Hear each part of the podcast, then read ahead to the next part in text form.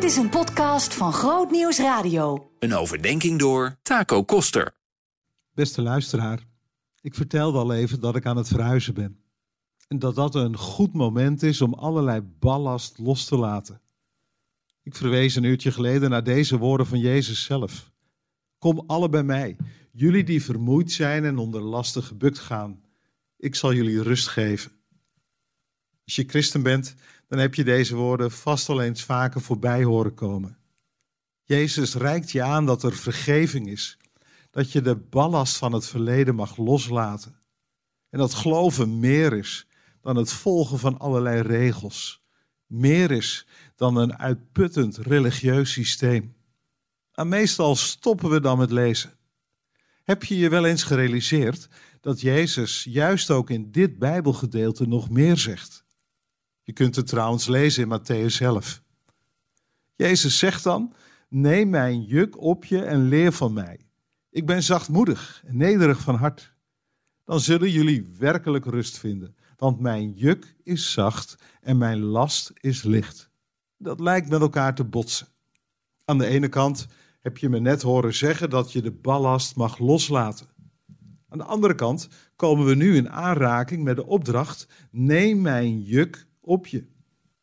En weg is dat gevoel van vrijheid en ruimte. Voor de goede orde, een juk is een stuk hout dat koeien om hun nek dragen en daarmee trekken ze een kar of een ploeg vooruit. Hard werken. Misschien dat we dit gedeelte daarom maar negeren. Dan weet je wat ik dan denk? Jezus is nuchter genoeg om te weten dat een leven zonder regels niet bestaat. Een koe die los rondloopt, wordt direct gepakt door een volgende boer.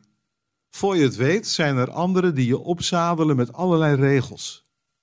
Daarom zegt Jezus: Neem mijn juk op je.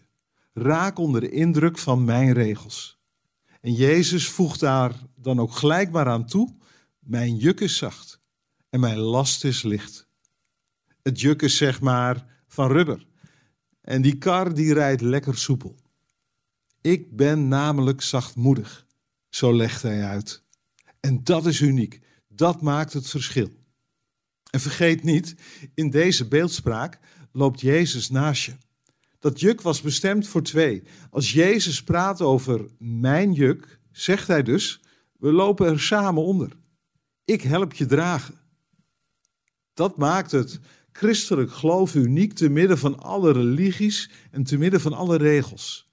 Samen met Jezus komt je leven tot zijn bestemming. Je vindt rust, maar ook je volgt het spoor van Jezus.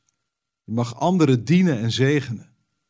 Geloven betekent dat je samen met Jezus verder gaat en samen met Hem ontdek je de regels die goed en waardevol zijn. En in Zijn kracht mag je dan verder gaan. Voelt dat nog steeds als te veel regels? Dan geef ik je deze eye-opener nog mee. Laten we niet doen alsof er buiten geloven om geen regels en geen druk zouden zijn. Dat is onzin. Er zijn zoveel bewegingen die ons druk opleggen. De hippe studenten, de goed geklede zakenmensen, de artistieke vrije vogels. Iedereen heeft zo zijn eigen regels. En je moet meedoen. Daarom kies ik steeds makkelijker voor die beweging van Jezus. En ik geloof in Hem. Hij is eerlijk. Hij is soms uitermate tegendraads. Maar hij geeft me ook vrijheid. Ik weet me geliefd zonder dat het afhankelijk is van mijn prestaties. En daarom wil ik samen met hem verder. Andere dienen.